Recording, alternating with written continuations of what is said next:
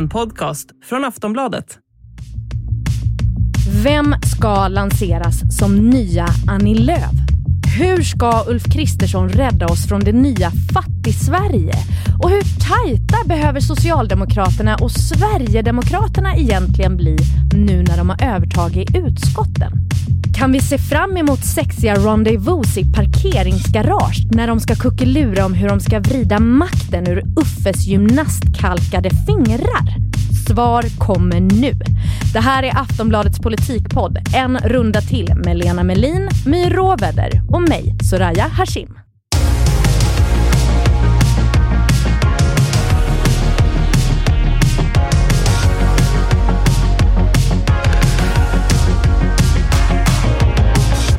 Hallå Lena och My!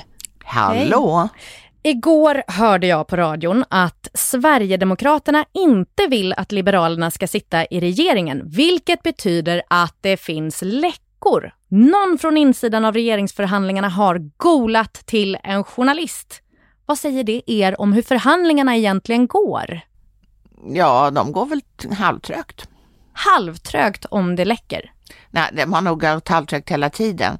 Eh, därför att, eh, ja, annars hade ju vi redan sett en regering eh, på, i Rosenbad så att säga.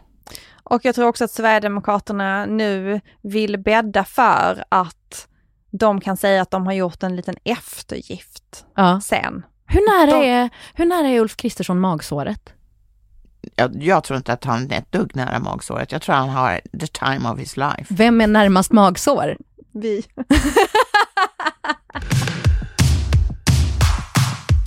Jag är helt drabbad av alla nya lyssnare som har hittat till oss och ni blir bara fler och fler och det är så sjukt roligt. Eh, som tack till våra nya och gamla lyssnare så kommer vi ägna det här avsnittet till era spörsmål om svensk politik. För frågor finnes och som bevisat många, många gånger, våra lyssnare är riktigt vassa på att ställa frågor.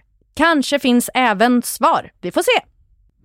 Vi börjar med en fråga från Vivi i Stockholm som jag tror att många känner igen sig i. Hej, en runda till. Jag är orolig för framtiden.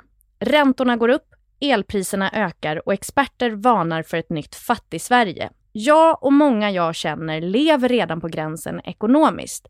Jag vet inte hur jag som privatperson ska göra mer än jag gör i min situation. Jag kör redan storkok, matlådor, släcker lampor och tar korta duschar. Vad kan politikerna göra för att rädda oss från ett nytt fattig-Sverige? Ja, en sak som den tillträdande regeringen har lovat är ju någon typ av elpriskompensation. Så, och det tror jag nästan är nödvändigt därför att med tanke på hur eh, priserna skenar på den, eh, inom den sektorn så är det ju många som knappt kommer att kunna ha varmt inomhus. Eh, Sen kan man ju också tänka sig mera generella stöd till, till utsatta hushåll som det har varit nu till exempel med eh, ett ex- extra bostadsbidrag till barnfamiljer med en, en ensam försörjare. Ja. Va- Var det inte så här sist de skulle kompensera för elpriset så var det ju inte riktigt alla som fick ta del av det. Att det fanns en kritik om att det bara gagnade vissa och att de redan hade rätt mycket. Nej men det var baserat på hur mycket el man förbrukade. Aha, Så att äh, om man då förbrukade jättemycket el för att man hade sitt sparbad igång, alla sina lampor och sådär, så fick man också pengar för det. Fast här- det fanns ju ett tak. Ja det fanns ett tag, absolut. Sin uppvärmda helikopterplatta. Det här, det här högkostnadsskyddet handlar ju mer om hur mycket man betalar. Eh, det, det, den modellen som Moderaterna la fram innan valet i alla fall. Det baserar sig på ungefär hur man har det i Norge, att efter ett visst tak man har betalat så går staten in och täcker upp stora delar av de kostnaderna som är liksom utöver de kostnaderna. Men tar man hänsyn till hur mycket folk tjänar i relation till vad de betalar? Nej, och det verkar oklart om, om de håller fast i den här linjen, för nu hänvisar de ju till den här utredningen som den avgående regeringen har tillsatt om, eh, eller bett Svenska kraftnät att utreda enligt tre olika vägar, varav ingen är som direkt som Mo- Moderaterna hade tänkt sig. Så jag tycker, men jag tror man kan utgå från att någon form av kompensation kommer. Mm. Så bidrag är liksom nummer ett. Ja men jag tänker att jag skulle säga som ekonomerna brukar säga och det är ju att måste, man måste ha marginaler i goda tider för att det kommer alltid svårare tider. Och det har ju varit goda tider för väldigt många människor. Det finns ju alltid fattiga människor som lever på marginalen oavsett. Mm. Eh, så det är inte det jag pratar om här, utan jag pratar om människor som har haft det ganska gott ställt, men som nu, eftersom det är en sån otroligt snabb förändring, så är det klart att det påverkar människor i deras liv. Eh, och att det är ju, man behöver ställa om både hur man tänker kring hur man liksom, sin hushållsekonomi och vad, hur man, vilka marginaler man har, men också eh, alltså på vilket sätt man lever. Och det har ju saknats lite i den här politiska debatten. Till exempel med elpriset, att vi har inte, det har inte alls pratats om att man skulle på något sätt ställa om och använda mindre el och på det sättet få ner sin elräkning, utan det har bara handlat om att staten ska gå in och kompensera på olika sätt. Och den grupp som alltid drabbas hårdast när det blir ekonomisk kris eller svårigheter, det är ju ensamstående föräldrar, ofta ensamstående kvinnor. Eh, och att de har låga inkomster för de jobbar, men de har lågavlönade yrken, de kanske inte jobbar heltid. Eh, och det här är en grupp som inte diskuterades under valrörelsen. Precis som Lena säger så har det ju funnits ett tillfälligt bostadsbidrag, tillägg till bostadsbidraget, eh, som går ut nu vid årsskiftet. Så att den här gruppen är ju en av de grupperna som är allra mest utsatta i samhället, när det liksom blir hårdare tider. Men som bidrag och sånt, alltså räcker det då? Alltså kommer det lyfta dem? Som Vivi skriver här, hon gör ju det hon kan privat i sitt liv. Liksom. Det kommer inte att räcka utan det kommer att slå mot hennes plånbok i alla fall. Mitt elavtal som jag har i det huset där jag bor, det löper ut den 30 november. Häromdagen så fick jag då förslag från eh, min nuvarande elleverantör om vad, hur, det här, för, hur, hur vår relation ska se ut i framtiden. Och då kan jag säga att, It's complicated. ja, och det kan jag säga att det ena förslaget var en tiodubbling av det nya varandepriset, vilket betyder att jag skulle betala ungefär 50 000 i januari januari med lika stor, eh, stor du eh, konstruktion som förra januari. Nej, jag skämtar inte. Men hur ska... Nej. Jag, jag, jag kan ju flytta någon annanstans. Det är billigare att ta in på hotell. Och ta ner. Men, men eh, alltså, många människor kan ju inte det. Nej. Det, det, det här är drabbande, men, men om vi då kommer till det som du var inne på här My, alltså Jossan skriver in på det här teman, temat också och frågar, i typ alla länder uppmanar politikerna sina medborgare att spara på el, men inte i Sverige. Varför är det så känsligt och kommer det komma? Men det, ju, det har ju varit valrörelse, det har ju varit avgörande. Det är ju ingen politiker som vill gå in och vara liksom den tråkiga som säger så här, nej vet ni vad, livet måste bli lite sämre för alla. Okay. Det måste mm, bli men, lite... men det är ju faktiskt att Energimyndigheten har ju ja. dragit igång en kampanj. Exakt, precis. den här ja. veckan gick de ju ut med en kampanj på eget initiativ och sa att man måste spara el.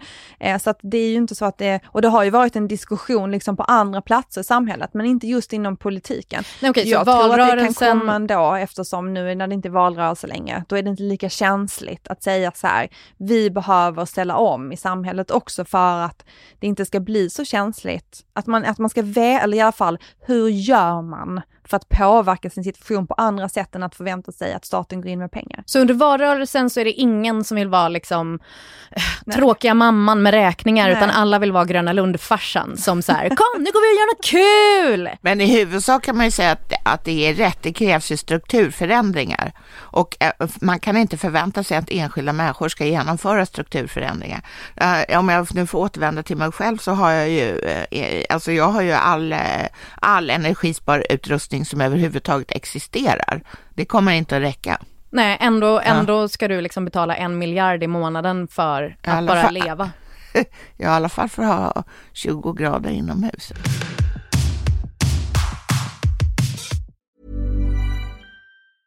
Hej, jag Ryan Reynolds. Recently, I asked Mint Mobiles legal team if big wireless companies are allowed to raise prices due to inflation. They said yes. And then when I asked if raising prices technically violates those onerous two-year contracts, they said, what the f*** are you talking about, you insane Hollywood ass?"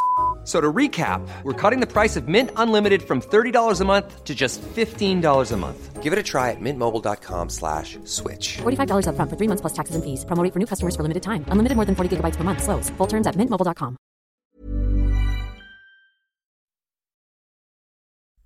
Vi har ju en ny regering snart och signaturen Bo från Oxie undrar Vilka är de mest akuta frågorna att lösa för Ulf Kristersson och kompani så fort de är på plats? Det här är en skitbra fråga och jag tänker att vi kör en topp fem. Går det bra för er? Absolut. Men de, det är tyvärr en fråga som de måste lösa innan de bildar regeringen. Och det här avtalet då som Jimmy Åkesson absolut vill ha för att eh, stödja en Ulf Kristersson-regering. Och det eh, vill han ju ska vara oerhört eh, omfattande och mycket detaljerat, vilket betyder att det kommer att bryta ihop efter ganska kort tid. Det har ju alla andra avtal gjort, eh, oavsett hur eh, odetaljerade de har varit. Så det är det första som måste komma på plats. På andra plats.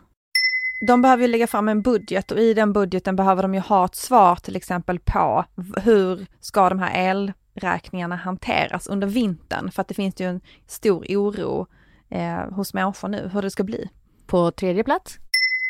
Nej, men jag måste tyvärr återvända till elavtalet, för, eller elkompensationen, därför att där är det ju så att Moderaterna har utfärdat ett vallöfte att denna ska vara på plats från första november. Det är 26 dagar till dess. Det kommer inte att gå. Han Puss och kram, lycka Ja. till. Ja, nej men så är det och eh, eh, dessutom är det ju väldigt, den här utredningsuppdraget då som den nuvarande regeringen har gjort, det ska ju inte vara f- lagt, framlagt från den 15 november. Så att här, här brådskar det verkligen för Ulf Kristersson för att inte stå, han ska stå med sin tvättade hals och det första han får göra är att bryta ett vallöfte. På fjärde plats. De behöver ju lägga fram någon slags eh, plan för EU-ordförandeskapet. Som kör igång nu. som kör igång den första januari. Eh, och det tror jag att alla är ganska nyfikna på eftersom man nu då har Sverigedemokraterna så nära knutna sig och de har dels, de har ju sänkt i EU-frågan, eller svängt och svängt, de har sagt att de inte ska eh, jobba för att gå ur EU. de är väldigt hatar E- inte EU längre. de, de är e- mycket EU-kritiska och det ska bli intressant att se. Jag tror att eftersom de får sånt eh, inflytande också i utrikesutskottet i riksdagen så ska det bli intressant att se hur man får ihop det där. På femte plats. Ja, det är att visa resultat i den här eh, brottsbekämpningen. Det är någonting som Eh, och eh, framförallt Ulf Kristersson har satt väldigt högt upp på dagordningen. Och eh, det, det måste, alltså alla de här repressiva åtgärderna som hans parti och framförallt också Sverigedemokraterna och Kristdemokraterna vill genomföra, de måste ju ge resultat för att han inte återigen ska stå med sin tvättade hals. Det kommer dock inte att gå enligt Richard Jomshoff, justitieutskottets nya ordförande och tidigare Sverigedemokraternas partisekreterare. Men han sa att det skulle ta ett tag. Ja, det sa han och han har, förmo- han har ju rätt. Men jag har, No en, shit, en, jag, Sherlock. jag har en grej då också, en sjätte grej.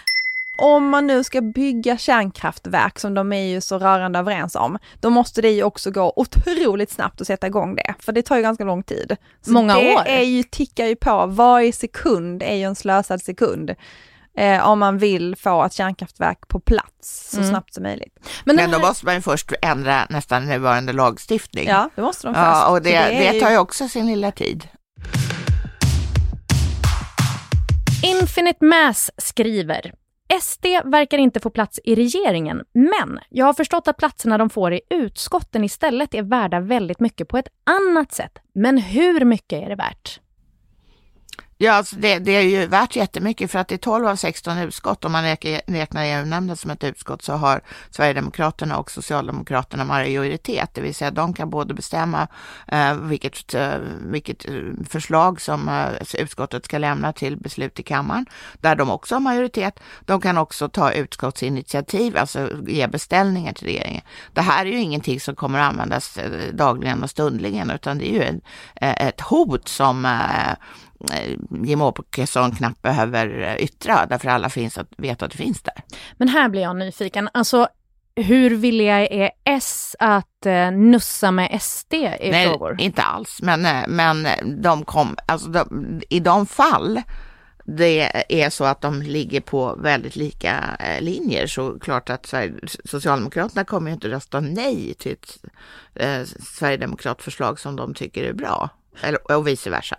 Hur vet de det? Alltså, jag, jag får ju ändå bilder av att liksom, någon, social, någon från Socialdemokraterna, någon från SD möts i en mörk tunnel, utbyter information i hemlighet, spionfilms... Riktigt så går det inte till. Det, jag tror att om vi tittar jag tror att det är ett bra exempel hur man fick ihop budgeten förra hösten. Alltså att partier säger så här, det här tycker vi är viktigt och sen så är den som liksom styr eh, lyhörd. Surahammar skriver in till oss och säger så här. I veckor har jag nu sett Irans kvinnor stå upp mot sin regim och ta av sjalarna med risk för sitt liv. Jag läste på regeringens hemsida att det finns över 100 000 personer i Sverige med iranskt ursprung och att Iran historiskt sett har varit en av Sveriges viktigaste exportmarknader. Samtidigt är det ganska tyst från politiskt håll om situationen där just nu. Varför gör de svenska politikerna inget? Stämmer det? Gör de inget? Jag tycker inte att det är tyst från politiskt håll. Eh, om man menar att det är politiker som uttrycker ett stöd till det som händer i Iran. Enskilda politiker har man ju sett på demonstrationer och liknande i deras sociala medier och så vidare. Men jag kan ändå se om Surahammar känner så här, fast som helhet, det är ju inte som att Sverige har gått ut och fördömt någonting eller liksom så. Ja, en, en eh, orsak kan ju vara att vi har en avgående regering som tycker att den har begränsade befogenheter. En annan kan ju vara att man bedömer det här som en inrikeskonflikt och att det är någonting som får hanteras inom Irans gränser som Sverige liksom inte riktigt har med att göra. För att vi hade inte velat om Iran la sig i någonting vi gjorde inhemskt om det Nej, var en konflikt här. Men sen kan man ju tycka, sen kan ju säkert vara så att enskilda politiker tycker att ja, det här är en jämställdhetsfråga och då yttrar sig de i alla fall. Men Sverige som så att säga, Sverige mm. har lite svårt att lägga sig i en annat lands inre angelägenheter. Mm. Sofia Malm, som jobbar mot Japan, skriver så här. I Japan har de de senaste åren haft cirka 50% valdeltagande och ser Sverige som en förebild eftersom vi har så högt valdeltagande. Men i år sjönk den siffran. Vad tänker ni att det beror på?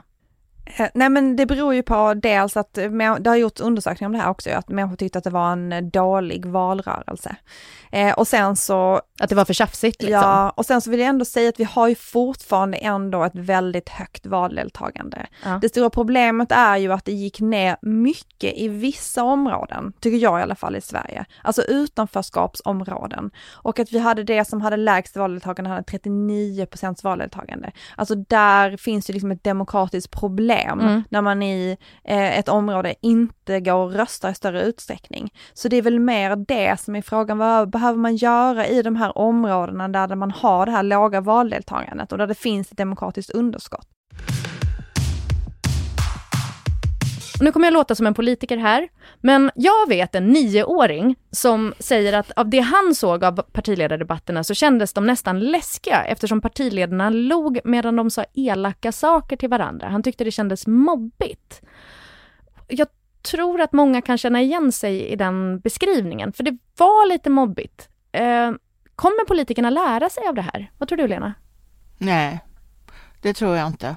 Därför att så fort det är så här jämnt, som det nästan alltid är i svensk politik, alltså jämnt mellan de båda blocken, så, så det, lockar, eh, det lockar fram det sämsta.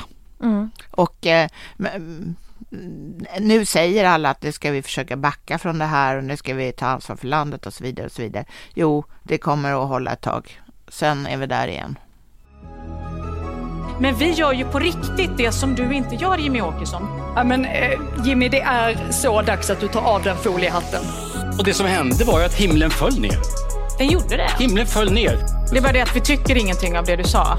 Eh, men vi vill men ju... Men ni säger det i riksdagen? Eh, nej, det gör vi inte. Nej. Ulf Kristersson får gärna kalla mig pratkvarn om man tycker att det är härligt. Ebba, du bör få gärna falla mig i talet också. Måste någonting hända, då kan vi inte stå och titta på och säga att det är obehagligt. Är det tvååringarna du pratar om då eller? Vem är brun? De blåbruna är... Vem är brun? Jag kan svara på den frågan om du... Ja, gör det då. Ja. Vad är det som krävs för att man ska vända den här attitydskutan? Ja, det krävs ju en, en inställningsförändring att eh, hos framförallt partiledarna, för det är de som syns i sådana här sammanhang, att man inte behöver, eh, man behöver inte slå eh, motståndaren i huvudet med att säga att jaha, nu har du på dig foliehatten nu eller ta av dig foliehatten nu eller du är nazist och du är rasist. Personangreppen liksom. Ja, mm. det, det, alltså jag, jag återkommer till en grej som jag, som jag pratat om förut och det var utrikesdebatten i februari där eh, den deltagande moderaten eh, hela tiden prisade de andra deltagarna om hur, hur rätt de hade och hur bra de hade uttryckt sig vid någon tidigare tillfälle och nu igen. Alltså man följer nästan död ner och där var ju eh, liksom in, själva debatten ganska intressant för det var, innehöll en massa ja, input helt enkelt. Ja. Men, men eh, liksom gruppdynamiskt i en debatt, alltså den som beter sig som den större personen, den som liksom ah, kan bjuda på lite trevlighet och inte liksom faller till den låga nivån. Kan man inte ändå känna att, att fler skulle vinna på att vara sådana i en debatt? Nu tror inte jag att den personen eh, om vi ser till de debatterna som har varit så ska jag säga att det belönas inte att vara så. Och det belönas inte heller att vara den gapigaste personen. Mm. Det är ju någonstans det här att man ska hitta en konfliktnivå som eh, är eh, som blir lite kul underhållande och som liksom uppehåller dramat och visar på tydliga skillnader. Problemet den här valrörelsen har ju varit att det har, hela tiden har legat på gränsen och ofta tickat över till det andra sidan, där man håller på med det här som leds av personangrepp och eh, slänger ur sig massa saker som man vet inte är sant, som att Jimmy Åkesson är nazist. Alltså det är liksom, det är den här gränsdragningen som är svår, som de inte har klarat att hålla sig. Sen så tror inte jag, Magdalena Andersson har ju försökt hålla någon slags eh, liksom mer lågmäld ton. Hon mm. hade väl någon bild av att hon skulle vara så statsmannamässig under valrörelsen. Det funkade ju inte heller. Det gick ju, blev ju inte heller bra. Hon förlorade ju enligt mätningarna alla debatter. Så att det är ju en fin linje för vad, vad människor också vill ha när Men de tittar kan på det inte ändå fin alltså, kan det inte ändå finnas, jag tänker, i ens privatliv, någon är en rövskalle och om man möter den rövskallen med så här, ja, så kan man tycka, det kanske inte var så moget sagt, men jag tänker så här i alla fall, eller om man till och med alltså, är ännu men, trevligare. Men jag, alltså, den som faktiskt vann i princip alla debatter var Ulf Kristersson och han höll ju inte på så här. Nej. Nej. Det Nej, belönade sig. Ja, om man liksom... Om man Eller belönades, förlåt. Mm. Nej, men om, om man möter rövhatteri med charm och leende, jag tänker att de människorna vinner ju för att de får ju den andra personen att framstå som så himla små. Eller? Men jag tänker det här det här barnet som har tittat på den här debatten, ja. det är väl också så här att det är så talande, vi blir kanske lite skadade som tittar på alla men när pratar människor så här till varandra Nej, men det gör de ju inte. De gör inte det. Jag förstår att ett, ett barn riktigt som, dåligt förhållande. Alltså jag förstår att ett barn som ser det här tänker, vad är det som pågår? För att det är klart att de ser inte det här. Det här är vad de får höra i skolan, du får inte prata så här med människor, du får inte bete dig så här mot människor, säga taskiga saker. Mm. De ser, jag tror väldigt sällan vuxna prata på det här sättet till varandra. Alltså även om man skulle ha ett dåligt förhållande så kanske man inte står och kastar falukorv eller skriker att man är nazist framför barnen, vad vet jag. Men alltså, jag förstår att det blir så här en chock för att det är också en insyn i vuxenlivet som man kanske inte behöver. som ni är. Nej, men den är, jag förstår att den är skrämmande och den går emot, precis som du säger, allting man har lärt sig. Eh, Lena, du var inne på att Ulf Kristersson skötte sig bäst när det kom till det här med tonen under debatterna. Vilka, var, vilka hade värst ton? Vilka höll på med mest personangrepp och ja, men det, var, det var ju Ebba Busch, det var eh, Märta Stenevi och det var eh, Nooshi Dadgostar. Vi hinner en fråga till. Från Kajs lilla Maj. Jag har alltid röstat blått och röstade på Centern i år därför att jag vill hålla borta SD. I mina sociala medier var det många som pratade om att göra samma sak och influencers som uppmuntrade till just detta. Ändå fick Centerpartiet bara 6,7 procent. Jag känner mig nästan lurad. Vad hände? Ja du Kajs lilla Maj, eh, jag tänker att Centerpartiet i detta nu sitter och knoppar ihop sin eftervalsanalys. Så låt mig erbjuda My och Lenas tjänster med den makt jag har. Eh, vad skulle vara det absolut viktigaste kapitlet för er att ha med om ni gjorde en eftervalsanalys? Vad, vad tyckte väljarna om begreppet den breda mitten? Alltså sluta använda det nu, för det är ju helt obegripligt vad det är. Alltså okej, okay, om du verkligen djupdyker, lyssnar på allting, ställer upp parametrar, har en sån här tavla som man har vid så här brottslösningar, drar streck och tänker så här, vad den breda mitten, en tankekarta, mm. hur funkar den? Ja men då kanske man förstår, men det är ju ingen väljare som gör så. Det är så svårt att förstå vad Så- de menar med det. Ditt- Sluta med det. Ditt kapitel hade hetat Den breda mitten och så hade du använt den här överstrykningsfunktionen, bara överstruket. Jag hade använt det där eh, som vi, eh, som jag har gjort, den breda mitten som en sån här um, tribal tatuering. Det är bra, vi är inne på typsnittsnivå. som jag vid något mycket tråkigt eh, tillfälle fick någon att göra åt mig bara för att det var kul. I wingdings. Ja. Lena, vad hade ditt kapitel hetat? Här, ja, den hade hetat Landsbygden. Alltså där, där måste ju Centern djupdyka. Varför gjorde de så fruktansvärt dåligt val ute i landet? Alltså Centerfesten som Jämtland bara liksom faller. Det är ju någonting som partiet har gjort fel. Och eh, sen är det ju många centerpartister som också har tagit upp det här. Så det skulle kanske vara ett litet extra kapitel. Det här med att Annie Lööf sa att de skulle, så att säga, av två onda ting så skulle de välja Magdalena Andersson som statsminister. Det verkar inte riktigt ha varit förankrat i Centerrörelsen och där finns ju också någonting att gräva i. Om jag bara får, får ta den då, alltså det här med att hon valde Magdalena Andersson. Eh, var inte det en damned if you do, damned if you don't situation för henne? Alltså så här, under hela den långa tiden när hon inte gjorde ett val så var ju journalister på henne jättemycket och tyckte att hon var eh, för flängig och inte gav ett tydligt svar. Så då, då var vi sura på henne, eller väljarna också kanske. När hon väl ger ett svar så är det hälften av väljarna som blir sura på henne. Alltså, vad, Inte hade hon- hälften av väljarna, men vad som hände var ju att man röstade på Socialdemokraterna istället för att rösta på Centern. Ah. När de ändå ingick i att ett lag då, så eftersom det var så otroligt jämnt, så bestämde man sig för att stärka liksom regeringskärnan och så röstade man på Socialdemokraterna istället. För det är ju dit som Centern har tappat sina väljare. Så det hade varit bättre för henne att bara vara tyst och inte Och till säga. SD har de ju tappat också. Så det hade varit bättre för henne i ditt kapitel Lena, hade du då sagt, vi borde inte sagt någonting alls? Ja, därför att det var ju ganska självklart eftersom Ulf Kristersson tänker eh, eh, samarbeta med Sverigedemokraterna och det tänker Centern aldrig göra, säger Annie Lööf, så var ju valet var ju redan gjort, man behövde inte yttra det. Och det tyckte inte jag hon skulle ha gjort. Därför att lite grann, med för att återknyta till det här till breda mitten, att vill man ha, där ska man ju så att säga knyta ihop de goda krafterna i fråga efter fråga. Och då hade det varit bättre att fortsätta på den linjen och inte säga någonting, utan sen eh, eh, en god kraft eh, sluta upp. Eh, När det väl gällde. Ja, och jag menar dessutom är det så att Centern har ju släppt fram en socialdemokratisk statsminister sedan januari 2019 vid alla, alla eh, statsministeromröstningar så att det, det är inte så att man behöver känna att det var mm, ett väldigt viktigt besked hon hade gett eftersom det var redan givet. Nu spekuleras det ju hej vilt om vem som kommer ta över partiledarposten i Centern. Eh, ett namn som sagt att hon ställer upp är kandidat Emma Wiesner, 29-årig EU-parlamentariker och civilingenjör. Jag läste att hon började engagera sig politiskt som 13-åring efter att hon hade sett Al Gores film En obekväm sanning. Är Emma Wiesner Centerpartiets räddare? Nej. Nej. Okej.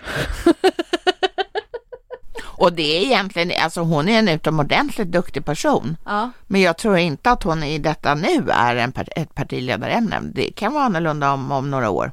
Har ni några bets? Ska vi sätta lite pengar på det? Vem blir det? Alltså det är inget starkt startfält direkt, det kan man ju inte säga. Nej, men om, om du ska liksom lyfta den som du ändå tror får kungakronan. Ja, det kan jag inte för att jag tycker startfältet är svagt. Okej, så det är omöjligt att säga? Ja, men det jag, en som befinner sig där är ju den nyblivna riksdagsledamoten Elisabeth Thand Ringqvist som har jobbat för borgerliga regeringen tidigare och den nyblivna gru- gruppledaren Da- eh, Daniel Bäckström som har suttit i försvarsutskottet eh, sedan Anna Dazzumal och ehm, ja, några till kanske, eller någon till. Mm. My, vad säger du? Ge mig lite namn. Ja, alltså de behöver ju, om de inte ska ha en sån där partiledare som eh, offras på förändringens bord, så behöver de ju ha en väldigt stark ledare. Så att jag tror att de behöver titta någon som är starkt förankrad i rörelsen. Är det hatten? Ja men, eh, springs to mind, men det är ju Vad är det hon heter? Anna? Anna-Karin Hatt Ja. till exempel. Men jag håller med Lena att det är ju, än så länge så finns det ju inga klart lysande stjärnor som har dykt upp på den här listan. Ja. Sen så kan det ju ändra sig, alltså människorna de får nya roller, till exempel om de ska ut och debattera och eh, och kampanja runt om i landet för den här partiledarposten. Det kan ju dyka upp någonting där, du vet en gnista som tänds. Just det, någon kan plötsligt visa en ny sida som man ja, inte sett. Och, precis, ja. eftersom man, ingen av de här har ju varit i den här situationen tidigare. Även om Anna-Karin Hatt har varit i ja, har diskuterats tidigare som partiledare. Ja, hon var ju en av de tre kandidaterna förra gången och förlorade mot Annie Lööf för elva år sedan. Så att jag vet inte, jag tror inte hon har blivit jättefräschare sedan dess. Men, men Helena Lindahl är ju en annan sån här som också nämns och hon var ju den som inte röstade för Stefan Löfven 2019. Ja. Eller förlåt, inte röstade, det gjorde ingen, men hon, eh, hon, hon, hon stödde så att inte Stefan Löfvens statsministerkandidatur då efter januariavtalet. Vi kommer ju få tillfälle att återkomma till se. Det känns ju som att det här kommer vara pågående nu under hösten och det är mycket vi behöver liksom gå igenom med dem. Men, men vi, vi, vi släpper dem ut på liksom det fria fältet för nu. Det kommer ju alltid att finnas saker att prata om i en partiledarkamp. Det blir ju nästan alltid smutsigt på något sätt. Lite sexigt också. Okej. Ja, så Visst, känner jag. absolut. Ja, det är kul. Ja. Det här är Mm. sexig politik. Oj. Det blir roligt. Ja. Lena och My, tack för idag. Tack för alla dagar.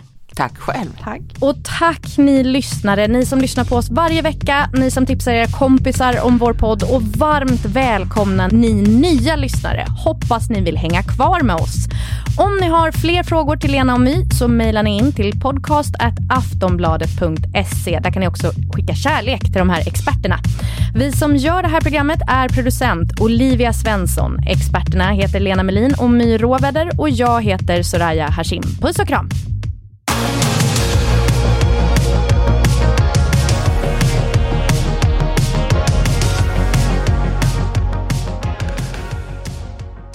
Du har lyssnat på en podcast från Aftonbladet.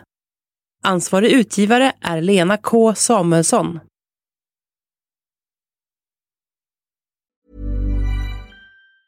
A lot can happen in three years, like a chatbot may be your new best friend. But what won't change? Needing health insurance. United Healthcare Tri Term Medical Plans, underwritten by Golden Rule Insurance Company, offer flexible, budget friendly coverage that lasts nearly three years in some states. Learn more at uh1.com.